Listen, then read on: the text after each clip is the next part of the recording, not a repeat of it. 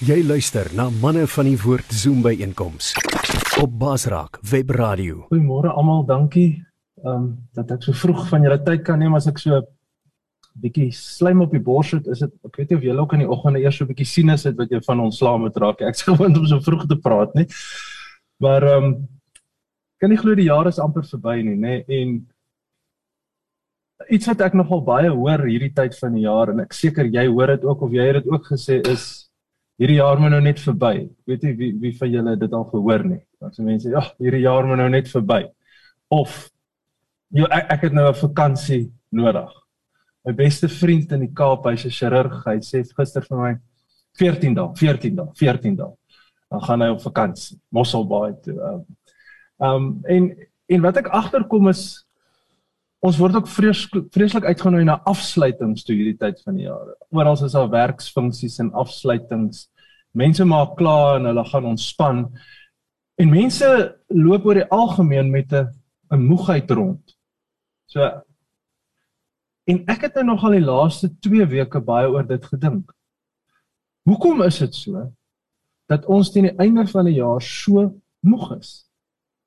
En dan die volgende vraag is Wat is so magies, magical van 1 Januarie dat jy skielik 1 Januarie weer voel, nee, nou is ek reg. Jy het nie nou energie om 'n dieet te begin nie, jy het nie nou energie om te oefen nie, jy het nie nou energie of liefde of iets in jou hart meer oor jy so bietjie leeg, maar 1 Januarie skielik nee nee, nou is ek weer reg. Ek sal hierdie jaar vat, gaan hom by die horings pak. Wat maak dit? Is daar nie dalk 'n manier hoe ons kan regdeur met 'n volhoubare energie kan leef nie. Maar ek dink God wil eintlik hê dat ons moet nie in jare leef nie. Jy weet 'n soort van amper jouself doodwerk hier na die einde van die jaar toe en dan is jy amper 'n lijk die hele Desember en dan skielik ontwaak jy en staan jy weer die dood op die 2de Januarie. Is daar nie 'n manier om om 'n meer volhoubare effektiwiteit in ons lewe te hê nie. 'n Ander manier van doen. Nou, ek dink nog ek kry dit reg nie. Maar hierdie jaar voel dit vir my beter as ander jare. Ek staan nogal hier met met 'n redelike energie en 'n volhoubaarheid in my lewe.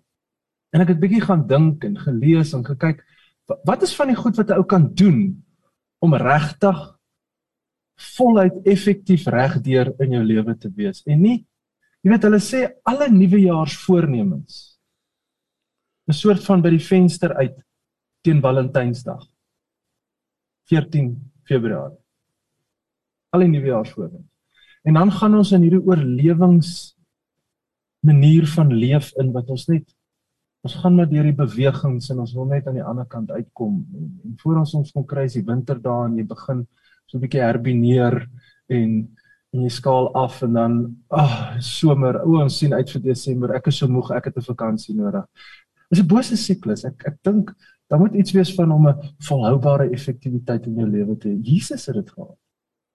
Hy hy het konstant hierdie volhoubare effektiwiteit gehad.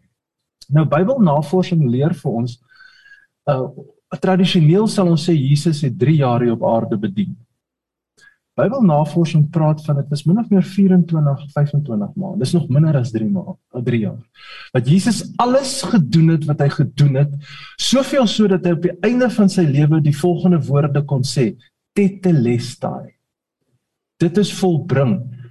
Daar's niks wat ek nog moes doen nie. Daar's niks wat 'n meeting wat ek gemis het, 'n persoon wat ek gemis het, 'n taak wat ek nie voltooi het nie. My missie is volbring. Tetelestai. Tetelestai is die woord wat hulle gebruik wanneer 'n 'n kunstenaar die laaste brush stroke op sy canvas sit. Dan staan hy terug en hy sê ek hoef nou niks meer op hierdie painting te doen nie. Tetelestai. Hoe Jesus het reg gekry.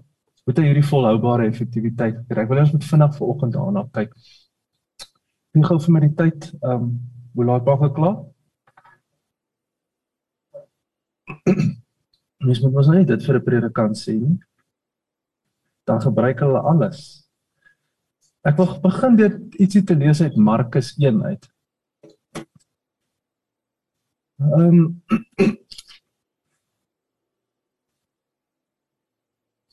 Kom ons begin by vers 29. Nadat hulle uit die sinagoge gekom het, het hy dadelik saam met Jakobus en Johannes na die huis van Simon en Andreas gegaan. Dis Markus 1, ek weet nie wat gesê het oor 1 nie, vers 29. Simon se skoonmoeder het siek gelê met koors en hulle dadelik van haar om dadelik van haar vertel. Hy het na haar gegaan, haar hand gevat en haar opgehelp. Die koors het haar verlaat en sy het hulle bedien. Kyk nou hoe hoe eskaleer hierdie wonderwerk. Toe dit aand word en die son reeds onder was, het hulle almal wat siek en deur demone besete was na hom gebring. Die hele dorp het by die deur saamgedrom. Hy het baie siekes met allerlei kwale gesond gemaak en baie demone uitgedryf. Hy het die demone nie eers toegelaat om te praat nie omdat hulle hom geken het. Kan jy sien hierdie vreeslike effektiwiteit, hierdie hierdie effektiwiteit in Jesus lewe. Weet ons leef ons lewe met twee goed. Daar's daar's verskriklik baie output. Jy weet jy moet vir alles man, né? Jy moet perform, jy moet goed doen, dan moet output in jou lewe wees. Dinge moet gebeur, jou besigheid, jou werk, jou sake wat jy bedryf, jou huis, jou finansies, dan moet output wees. Maar die probleem van output is output gaan net tot op 'n punt. Dan sê jy hierdie jaar moet nou net verby. Ek het 'n vakansie nodig. Ek kan nie meer nie. Ek voel emosioneel wat se woord depleted. Ek voel leeg emosioneel. Uitgeput. Want want daar's verskriklik baie output. Maar die balans in ons lewe moet lê tussen output en input. En as jy nie gereeld in jou lewe insette kry nie, dan is die uitsette te veel. En wanneer uitsette te veel raak, dan kan jy nie meer gee nie. Maar Jesus het gereeld insette in sy lewe gekry sodat daar genoegsaam uitsette was. Want net die volgende versie. Ons lees nooit hierdie twee saam nie. Onthou, Jesus, hier's nou 'n herlewing. Mense drom saam by die deure, mense word gesond, siekes word gesond gemaak. Selfs die demone manifesteer en hy laat net toe dat hulle eers 'n woord sê en hy dryf hulle, jaag hulle net uit. Volgende vers. Vroegoggend, toe dit nog stik donker was, het hy opgestaan, buitentoe gegaan na 'n verlate plek. Daar het hy gebid. Daar gemaak hy weer sy emmertjie vol. En jy, jy sal hierdie ritme heeltyd in Jesus se lewe sien. Ek net vandag Markus 6 vers 31. Hy sê toe vir hulle: "Kom julle, wel kom ek lees vers 30 en die apostels het by Jesus byeengekom en hom alles vertel wat hulle gedoen het en en wat hulle onderrig het. Hulle kom nou terug nadat hy hulle uitgestuur het, so hulle getuig nou van die wonderlike uitreike wat hulle gehad het. Dan sê Jesus vir hulle volgens, hy sê te hulle: "Kom julle saam na 'n verlate plek en rus 'n bietjie op julle eie." Want daar was baie mense wat voortdurend gekom en gegaan het en hulle het selfs nie eers kans gekry om te eet nie. Jy sien hoe Jesus hulle beskerm en sê kyk, ons moet weer insette kry. Kom ons gaan na 'n eensame plek. Kom ons gaan bid. Kom ons gaan rus. Jesus het hierdie in sy lewe gehad. Nou daar's heeltyd so 'n bietjie feedback wat my pla as op my stem. Ehm um, nou ek het penne gebring. Daar was 'n teoloog en 'n uh, 'n sielkundige wat bietjie navorsing gedoen het oor uitbranding. En uh gekyk wat dit is, hoekom brand mense uit? Die interessante, ehm um, toe ek eerste jaar was teologie, toe was ons 71 eerstejaars blink oë. Ons gaan die wêreld vir die Here verander. Ons het 'n roeping, ons gaan predikante word. Ehm um, en toe na die eerste 6 maande se Grieks en Hebreëus het ons het ons so 'n bietjie getrim na so 51 toe. OK. En toe maak ons klaar toe ons ons finale jaar klaar maak was ons 34 in die klas wat klaar gemaak. En ek het nou nog 'n foto van ons finale finale jaars klas. Ek sit daar in die middel voor want ek was die studente leier gewees en ehm um, weet hulle het wolfskaapwagter gemaak daarso. Want ja, ek was toe maar nog jonk en baie rebels in my lewe gewees. En ek begin tel. Nou, hierdie jaar my maand en ek begin tel hoeveel van ons se spoor nog staan nog in die bediening. 7. Langs die pad het ouens uitgesak langs die pad het ouens uitgebrand. En hierdie teoloog en hierdie sielkundige sê maar wat wat kan ons gaan neersit van die sielkundige se kant en van teologie se kant af wat hierdie uitbrandingssindroom wat hulle veral onder predikante en professionele lei opgetel het. En hulle het opgekom met wat hulle noem 'n cycle of grace en wat ek in Afrikaans noem 'n effektiwiteitssiklus. Hulle het gaan kyk na Jesus se lewe en ek gaan nou probeer teken en ek hoop dat ehm um, dit vir jou sin gaan maak. so as jy so omgaan met hierdie siklus.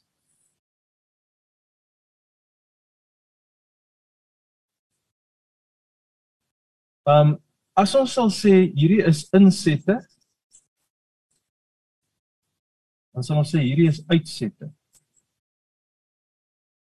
Dis wat hulle gesê het, weet daar's daar's hierdie siklus in jou lewe wat jy moet leer om te bestuur waar daar gereeld insette in jou lewe sodat daar effektiewe uitsette in jou lewe kan wees.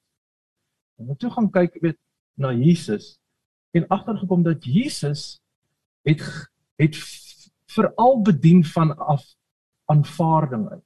Die eerste inset wat Jesus gereeld in sy lewe gekry het, was aanvaarding van sy Vader. Wat is die eerste ding wat God vir hom gesê het nadat hy gedoop is? geliefde seun en weke welbehae. Hy het soort van afgekyk en gesê. So daar was 'n aanvaarding. Ek moes groter geteken het. Wat in Jesus se lewe. En hy het vanuit hierdie aanvaarding geleef. Nou kom ons wees eerlik. Ons almal het 'n groot behoefte aan aanvaarding. Maak nie saak hoe sterk en hoe ryk en hoe slim jy is nie. Ons almal het 'n behoefte aan aanvaarding. Kom ek wees eerlik, soos ek hier praat, elke keer wanneer iemand sy kop skud, dan doen dit my goed. Want ek voel, okay. En die van julle wat so nors is, julle help my nie baie raak in my aan. So dis dis hierdie ons almal het daai behoefte na aanvaarding. Dis daar. En en dis hoekom ons sekere goed doen van skool af. Wie van julle wat op 'n stadium agter die paviljoen gaan rook het, hoekom? Jy wil aanvaar word. Die vele wat wat wat voordat jy oud genoeg was begin skelm drink het. Hoekom? Aanvaarding, vriende. Jy het sekere goed gedoen want jy wil aanvaar word. Jy het 'n sekere kar gekoop want jy wil aanvaar word. Jy wil raak gesien word. Ons doen nou nog sekere goed want ons het hierdie ek dink die mens het eintlik 'n aanvaardingsverslaafdheid wat ons moet bestuur. En jy doen baie keer goed en gaan kompromie aan as gevolg van hierdie aanvaarding wat ons soek. Ehm um, ja, net so kan nota. Maar Jesus leef vanuit primêr hierdie gevoel van God het my aanvaar. Selfs op die berg van verheerliking Markus 9 kry jy weer daai. Um ons weet uh, uh, dis in Markus 1 wat hy mos sê en 'n stem het uit die hemel gekom nadat hy gedoop is en gesê dis my geliefde seun en wie ek welbehaag. Ek dink is Markus 9 vers 7. Daar kom toe 'n wolk en 'n skaduwee wat oor hulle gegooi word en uit die wolk kom maar 'n stem. Dis nou nie die die doop een nie. Dis later in sy lewe op die berg van die Here. Dit is my seun, my geliefde seun. Luister na hom. So, daar was gereeld in Jesus hierdie aanvaring. Johannes 13, nadat hulle klaar geëet het vers 2, het Jesus opgestaan van die tafel en omdat hy weet die Vader het alles vir hom gegee, het hy opgestaan en hulle voete gewas. Het jy daai stukkie al gelees? Omdat hy weet omdat hy hierdie aanvaardingsgevoel omdat hy vanuit sy aanvaarding ek is aanvaar deur God. Kan ek voete was? Kan ek bedien? Kan ek op 'n berg van verheerliking staan? Omdat ek aanvaar het hy het geleef vanuit hierdie aanvaarding kan ek vir jou sê jy hoef niks te doen dat God jou hoef te aanvaar dis skrikkelik iets En selfs wanneer jy baie keer daai ietsie doen wat jy voel, "Ey, ek moes dit gedoen het." Dit is nog steeds lief vir jou. Hulle sê mos genade sê die volgende: Daar's niks wat jy kan doen dat God jou liewer het nie. En daar's niks wat jy verkeerd kan doen wat gaan maak dat hy jou minder liefhet nie. Dis genade. That's grace. En en kan ek kan jy net dit besef vandag? Liewe man, hy aanvaar jou. En al is daar goed in jou lewe wat jou soms minder waardig laat voel. Iets wat jy 'n toets wat jy gedryf het of iets wat jy nie het nie wat jy voel ander het. God aanvaar. En dis vanuit daai uit wat jy moet leef. Dis daai inset um, wat jy in jou lewe moet vat. En dit maak jou vol. Want dan, daar's 'n binnewêreld en daar's 'n buitewêreld. Daar's 'n insetwêreld, daar's 'n uitsetwêreld. Net gou vinnig. Psalm 23. Deel op ook in 'n insetwêreld en 'n uitsetwêreld. Het jy al ooit so daarna gekyk? Hy sê die Here is my herder, ek kom niks kort nie. Hy laat my neerlê in groen weivelde en op waters waar is. Lei my, hy verkoop my siel. Lei my in die spore van geregtigheid. Dis 'n wonderlike beeld. Wat 'n beeld is 'n herders metafoor wat hy gebruik. Dis 'n inset. Hy weet die Here lei my, hy vat my na plekke van verkwikking. Hy bring ek weet ek is sy skaap, ek is sy kind. Dis hierdie insette wat in my lewe inkom en dan sê hy selfs selfs al gaan ek deur donker tye en moeilike tye, hy's by my. Hy's hierdie input in my lewe, input in my lewe. En dan sê hy hy berei 'n tafel voor my aangesig en dan verander die metafoor na koning se metafoor. Weet 'n koning wat goed doen, wat goed uitvoer. En ek sê altyd as jy wil 'n goeie koning wees, moet jy leer om 'n skaap te wees. As jy effektief in jou lewe wil wees en en en en, en so Stephen Covey praat van van public victory. Then you have to have private victories. As jy public victories wil hê, private victories. As jy die koningskap wil hê, moet jy leer om 'n skaap te wees. Die Bybel is vol van dit. En ek het begin die Bybel deur daai bril lees die laaste ruk en ek kom agter maar Dis verskriklik belangrik wat hier binne in my lewe aangaan, my private life, my private victories wat ek behaal. Want as ek privaat oorwin, as jy maar jy gaan in jou binnekamer, privaat lewe. En jou Vader wat in die verborgene sien, privaat lewe, sal jou in die openbaar vergeld, public victory. Inset gaan in jou binnekamer, uitset in die openbaar vergeld. Interessante manier om na na dit te kyk, né? En en hierdie effektiwiteitssiklus wat dit vir my saam so. Jesus het vanuit hierdie aanvaarding geleef En die ander ding, daar was gereeld verkwikking in sy lewe. Wat is verkwikking? Ehm um, ehm um, dis daai dinge wat jou emmertjie vol maak, wat jou verkwik. Hy verkwik my siel. Die Bybel praat van tye van verkwikking wat van sy aangesig afvloei. Dis daai wanneer jy net voel, oeps, hier, nee, hier word my emmer nou opgetop. Dis dalk 'n mannekamp wat jy by is. Dis jou Sondag erediens. Dis ver oggend wat jy net voel dat top by my emmer op. Of is jou stilte tyd? Ek word my emmer opgetop. Verkwikking. Jesus het gereeld tye van verkwikking gehad. Hierdie wat hy so na eensame plekke toe gegaan het, alleen gaan bid het, het sy emmer vol gemaak. Wat wat wat, wat dink julle was daar nog wat Jesus se emmer vol gemaak? Watter dinge dink julle nog? Ek dink sy vriende. Ehm um, weet ons moenie net aan Jesus dink dat hy so 6 duim bo kan die grond gesweef hier op aarde en hy was hierdie hy was 'n mens. Hy was God, maar hy was mens ook. So het vriende gehad. Daar was dinge wat hom verkoop het wat sy lewe vol gemaak het. En en kan ek dit vir jou sê? Om om jou emmer vol te maak, om verkwikking in jou lewe te kry is jou werk. Niemand anders se werk nie jou vrou se werk nie. Dis nie jou werknemers, werkskollegas selfs jou werkgewer se werk nie. Dis jou werk om jou emmer vol te hou.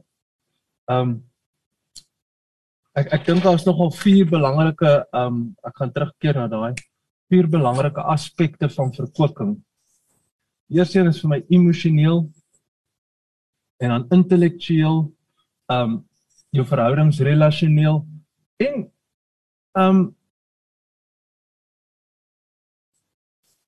fisies. Emosioneel, hoe maak jy jou emmer emosioneel vol?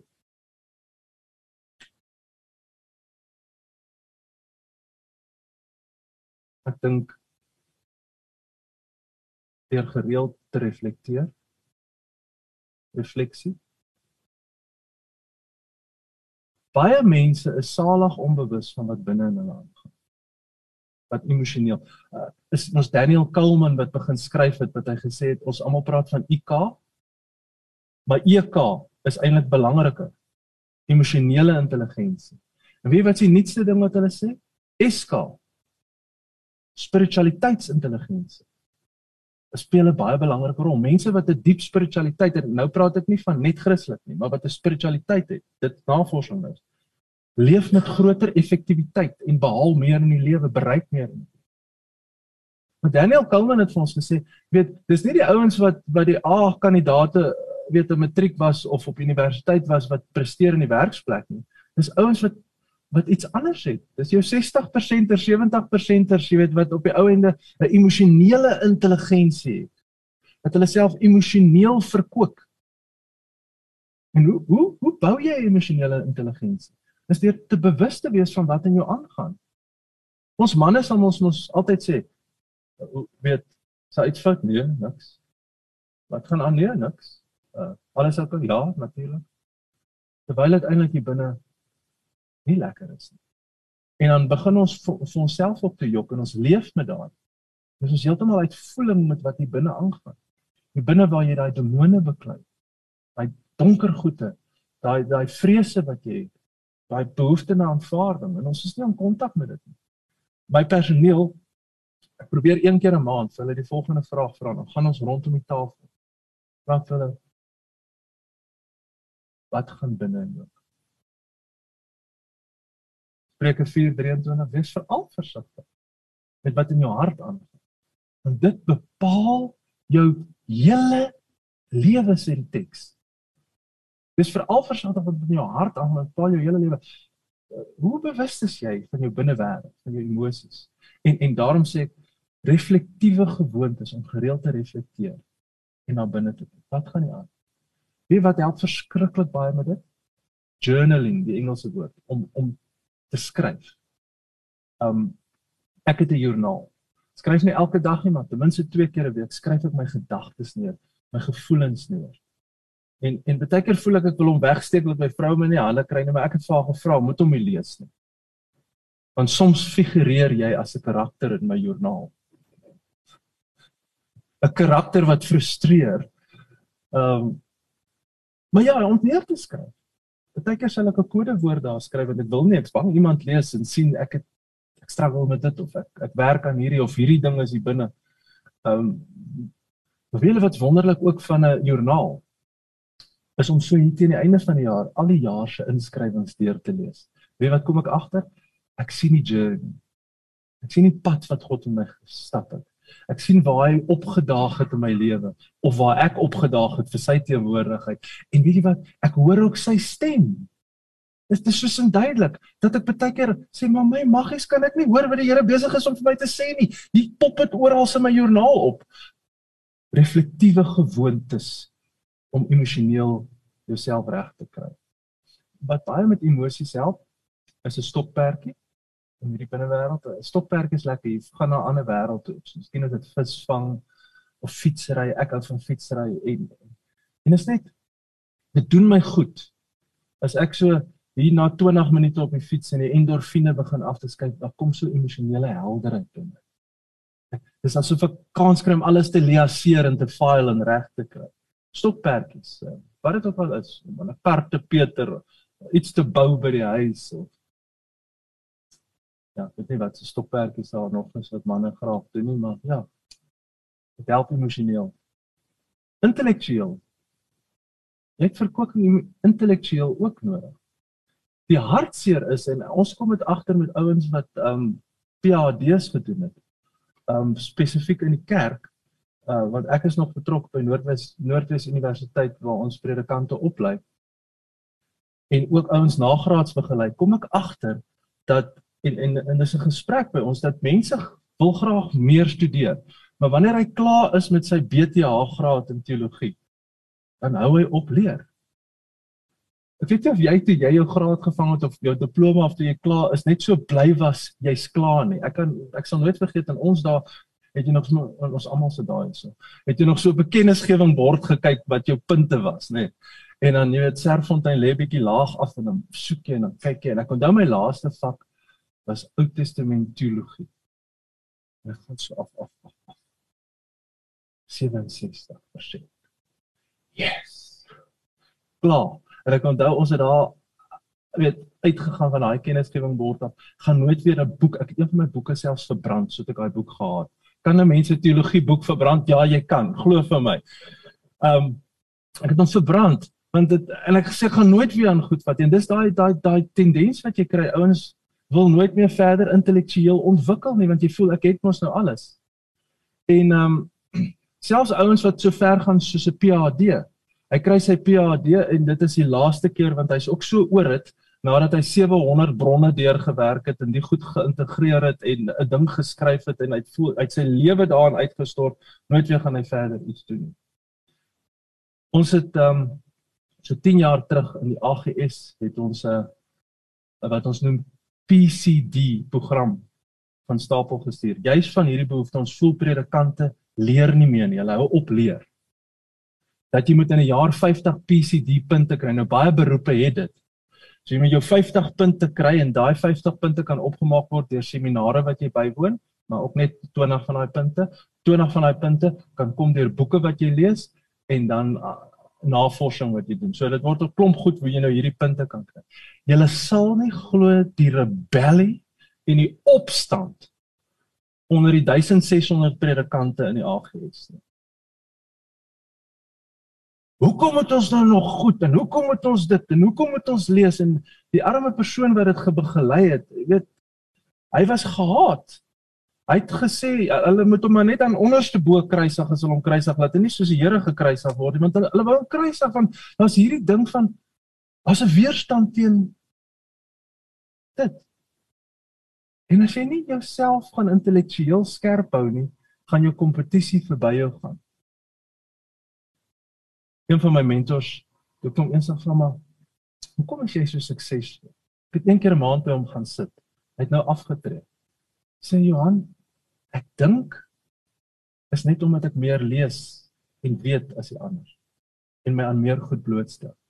Want hy hy lees 50 boeke 'n jaar. Jy weet my, my goal is 24 en ek kom soms by dit uit, soms nie by dit uit. Hy lees 50 boeke 'n jaar. Ongelooflik. Hy luister elke dag 'n podcast. So hy, hy hou homself in weet intellektueel skerp. So wat lees jy? Waaraan stel jy jouself bloot? Um dink is belangrik. Um en ek, ek dink vir die jonger generasie raak dit verskriklik moeilik. My kinders hou nie van lees nie. Hulle sukkel om te lees. Nou weet ek op sosiale media kan jy baie goed slim raak, maar jy kan ook baie dom raak met van die goed wat jy op sosiale media lees en snert wat daar so baie keer is. So so deel van hierdie verkoeking is intellektuele verkoeking. Maar ook fisies. Ek dink nie ons praat genoeg hieroor nie. Um so laat ek nou maar myself vir 2 minute gou ongewild maak. Ons moet reg eet. Ons moet reg eet. OK, Januarie moet ons begin reg eet want ek sien al klaar kersmenus wat op WhatsApp groepies rondgaan waarop ek as jy weet daar's sommer drie nageregte. Dit so dit, dit maar ons moet ons moet reg eet manne. Ons moet een porsie eet. Sal nie doodgaan nie as ons nie seconds vat nie. Ons moet groente eet. Ons moet goed eet wat jy weet genoeg vesel in het. Ons moet en wors en en en, en hoender is nie groente nie. Groente is daai ander goed. Hulle is van hulle is nogal groen, hulle hulle het kleure. Daai goed. Ons moet dit, ons moet vrugte eet. Ons, ons moet suiker soos die duiwel beklei. Ons moet ek wil dit weer sê. Ons moet suiker soos die duiwel beklei. En suiker kruip weg, né? Nee. Dis die beste wegkruiper speel speler in die wêreld, suiker. Kruip weg in 'n pastaatjie, kruip weg in 'n appeltjie skryf weg in 'n snytjie brood. Al die lekker goed, hy skryf so lekker weg dat jy hom net daar verwag. So, okay, ek kan ek klaar myself ongewild geword. Ons moet oefen. En onthou oefen is van waar jy is. So as dit is om 'n kilometer 'n dag te gaan stap nie 'n kilometer 'n dag stap nie. Doen dit. Al is dit om in die oggende push-ups te doen en jy doen dit nie. Doen dit. Ehm um, oefen is is is baie belangrik. Dit dit dit vir jou vir jou liggaam. Hoor die een ou gesê dat hulle sê oefen, weet jy, voeg hoeveel jaar by jou lewe. Dis hier die ander ou maar ja, maar gaan doen die som. Maar is 5 jaar wat dit by jou lewe voeg. Ek spandeer daai 5 jaar om te oefen. Kan ek nie maar net nie oefen nie, dan leef ek vyf maar ek leef meer want terwyl ek oefen kan ek nie leef. Maak nie vir my lekker sin nie. Dit gaan ook oor lewenskwaliteit. Um en dan rus. As ek kyk nou, hoe kyk ek fisies na myself? Eet reg, oefen en ek rus. Ons moet rus. Ons moet eintlik leef vanuit ons rus uit. Nie nee, leef na ons rus toe nie. Maar ons leef ons ons leef die dag so dat ons poot uit is, dan val ons in die bed vanaand. Ons leef ons jaar so dat ons onsself afskryf en val ons in 'n vakansie in. Het jy al die Genesis skepingsverhaal gelees? Hy sê dit was aand en dit was môre die eerste dag. Dit was rus en dit was werkstyd die eerste dag. Rus kom voor werk, nie na werk. Jy jy jy jy jy werk en en, en is effektief effektief van uit jou rus uit. Ehm um, Nou moet ek vinnig gaan. Ja, rus, vakansie ook. Wat vakansie? Moenie na die skoon mense toe gaan nie, dan rus jy. Um relasioneel verhoudings. Dink verhoudings is belangrik in ons lewe om verhoudings op te pas. Mansvriendskappe. Mans is alleen, né? Ons is baie alleen. Vriendskappe is belangrik. Kom ons gaan gou terug hiernatoe. Ek gaan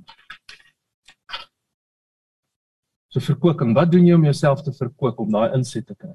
En dan vind ons in Jesus se lewe hierdie tipe goed het vir hom betekenis gegee. Omdat hy aanvaar was, omdat hy homself volgemaak, het dit vir hom significance, betekenis gegee. Wat gee vir jou betekenis? Ongelukkig baie keer die sukses wat ons behaal, gee vir ons betekenis. Die resultate wat ons kry, gee vir ons betekenis. Die bankbalans gee vir ons betekenis.